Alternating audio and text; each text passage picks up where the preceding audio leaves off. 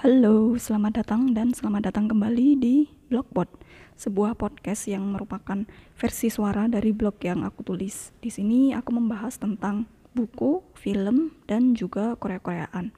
Nah, untuk hari ini aku mau membahas satu film yang aku dapat dari rekomendasi salah satu member Seventeen yang namanya Vernon.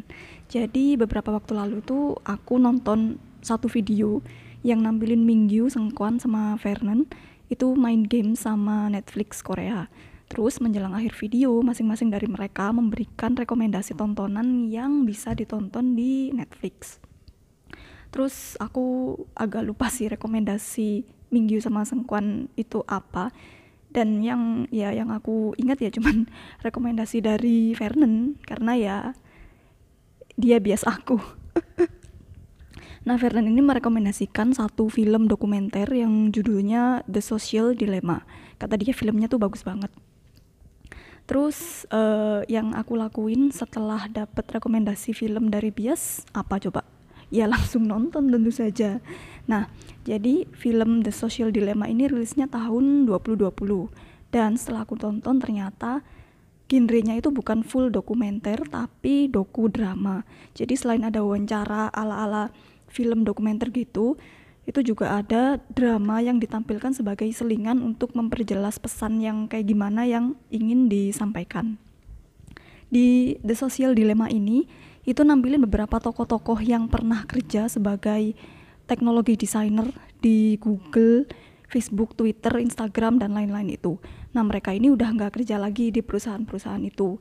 Terus ketika diwawancara, mereka mengungkapkan bahwa pekerjaan mereka itu uh, untuk menarik perhatian pengguna sosial media supaya tetap menatap layar mereka. Kayak gitu.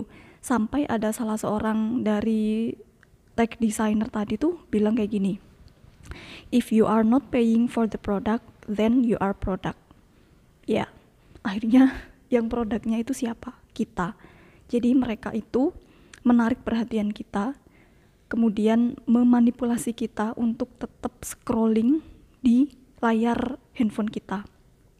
Jadi semakin banyak kita memberikan perhatian ke layar kita tadi di sosial media tadi, nah itu mereka tuh makin banyak uang yang mereka dapat gitu. Jadi hmm, kita ini jadinya kecanduan sosial media karena ya kita ini produk mereka. Pada awalnya developer teknologi ini tuh inginnya membuat fitur yang memudahkan manusia tapi terus fitur-fitur ini tuh jadi berkembang sebagai tools untuk memanipulasi kita supaya kita tetap memberikan perhatian kita ke tools itu tadi. Jadi tools itu tadi tuh always need our attention gitu. Dan ya kalau kita perhatikan lagi di sekeliling kita hal kayak gini tuh uh, berpengaruh ke mental health kan terutama untuk teenagers. Kayak misalnya uh, ada remaja yang ngupload fotonya terus ada yang komen eh telinganya lebar kayak gitu. Jadi pada akhirnya dia kepedeannya tuh rosot gitu kan. Ya gimana sih remaja kan masih labil ya. Jadi ya ya itu tadi udah kecanduan habis itu kena komen-komen yang di luar ekspektasi dia jadinya PD-nya ngedrop kayak gitu. Nah, selain ke isu mental health itu juga manipulating manipulated tools kayak gini tuh bisa menyebabkan polarisasi di politik. Dan yang paling parah sih ke perang sipil ya. Tapi jangan sampai terjadi deh.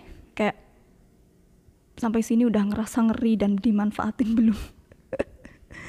Nah sepanjang nonton film ini tuh aku pasti langsung flashback ke kegiatan yang aku lakuin di media sosial punyaku kayak mikirin apa aja yang udah aku perbuat di sana.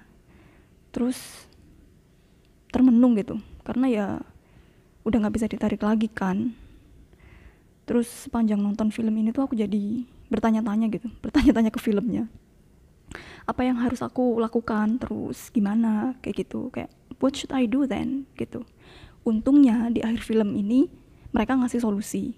Jadi yang bisa aku tangkap solusi-solusi itu ada 10 yang pertama itu turn off your notifications.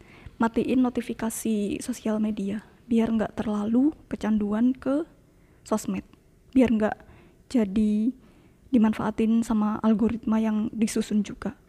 Terus yang kedua itu menggunakan mesin pencari selain Google.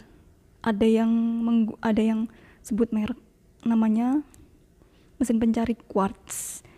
Q W A R T Z. Alasannya mereka menggunakan quartz itu karena quartz ini nggak nyimpen histori apa yang kita cari. Terus solusi ketiga itu mereka menyarankan untuk keluar ke alam karena alam ini indah. Kayak gitu. Ini sih solusi yang paling aku suka tuh ini. Go out to the nature because the nature is beautiful. Terus solusi yang keempat ngefollow orang-orang yang punya opini beda dari kita. Hal ini digunakan untuk menghindari polarisasi. Terus yang kelima, itu jangan ngasih screen time ke anak-anak kecil.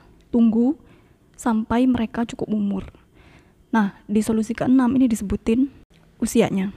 Jadi ada salah satu tech designer gitu yang dia hanya mengizinkan anak-anaknya untuk punya sosial media itu hanya ketika mereka udah berusia di atas 16 tahun.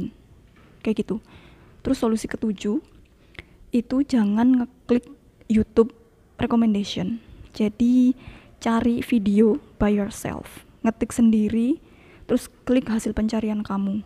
Jangan ngeklik di rekomendasinya YouTube. Untuk mengurangi kamu di apa sih namanya? dimanipulasi sama algoritma. Terus solusi ke-8 itu kalau mendapat suatu informasi sebelum sharing, kita harus research dulu. Pastikan itu bukan hoax. Terus yang ke-9, uninstall aplikasi-aplikasi yang gak penting dan gak kita perlukan.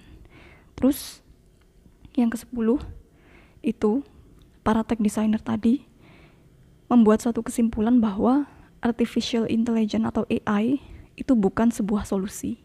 Nah, solusinya itu adalah giving rules to the business model of technology industry. Jadi yang perlu dibuat itu adalah aturan yang bisa diterapkan di bisnis di model bisnis yang industri teknologi kayak gini. Nah, buat aku poin AI itu dari beberapa waktu kemarin itu udah bikin aku kayak geleng-geleng kepala gitu ya aku sadar sih AI ini kan cuman tools ya yang sifatnya netral.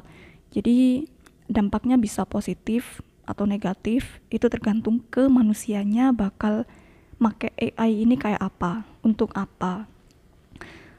Cuman sampai saat ini informasi sama bayangan yang aku tangkap dari penggunaan AI ini tuh cenderung ke arah negatif gitu loh. Kayak yang aku baca di bukunya segala-galanya ambiar punya Mark Manson sama yang aku tonton di film The Mitchells versus The Machines kayak gitu ya emang sih ada pendapat yang kayak gini AI ini bisa digunakan untuk efisiensi anggaran dalam suatu pekerjaan loh. Misal nih, kita udah nggak perlu lagi gunain manusia sebagai bintang iklan. Cukup AI dan pembuat iklan bisa hemat uang banyak. Ada yang bilang kayak gitu. Dan ya, kalau menurut pandangan aku, sadar nggak kalau manusia di planet ini tuh udah banyak. Sebagian dan bes sebagian besar yang di usia produktif itu kan butuh kerjaan buat menjaga dapur agar tetap ngebul kan. Nah kalau nanti semuanya diganti sama AI, terus tingkat pengangguran makin tinggi gimana? Kalau dulu setelah revolusi industri manusia itu diganti sama mesin, maka di era digital kayak gini manusia mau digantiin lagi gitu dengan mesin yang lebih canggih. ya jadi pada akhirnya menurut aku ya benar kalau AI ini bukan solusi. Ya, itulah overthinking aku tentang AI ada yang punya pendapat lain tentang AI tapi di podcast ini nggak bisa nulis reply sih jadi ya udah oke jadi buat kamu yang belum nonton The Social Dilemma tonton aja bagus. Menurut aku bagus. Ya. Untuk hari ini cukup sekian. Terima kasih sudah mendengarkan. Bye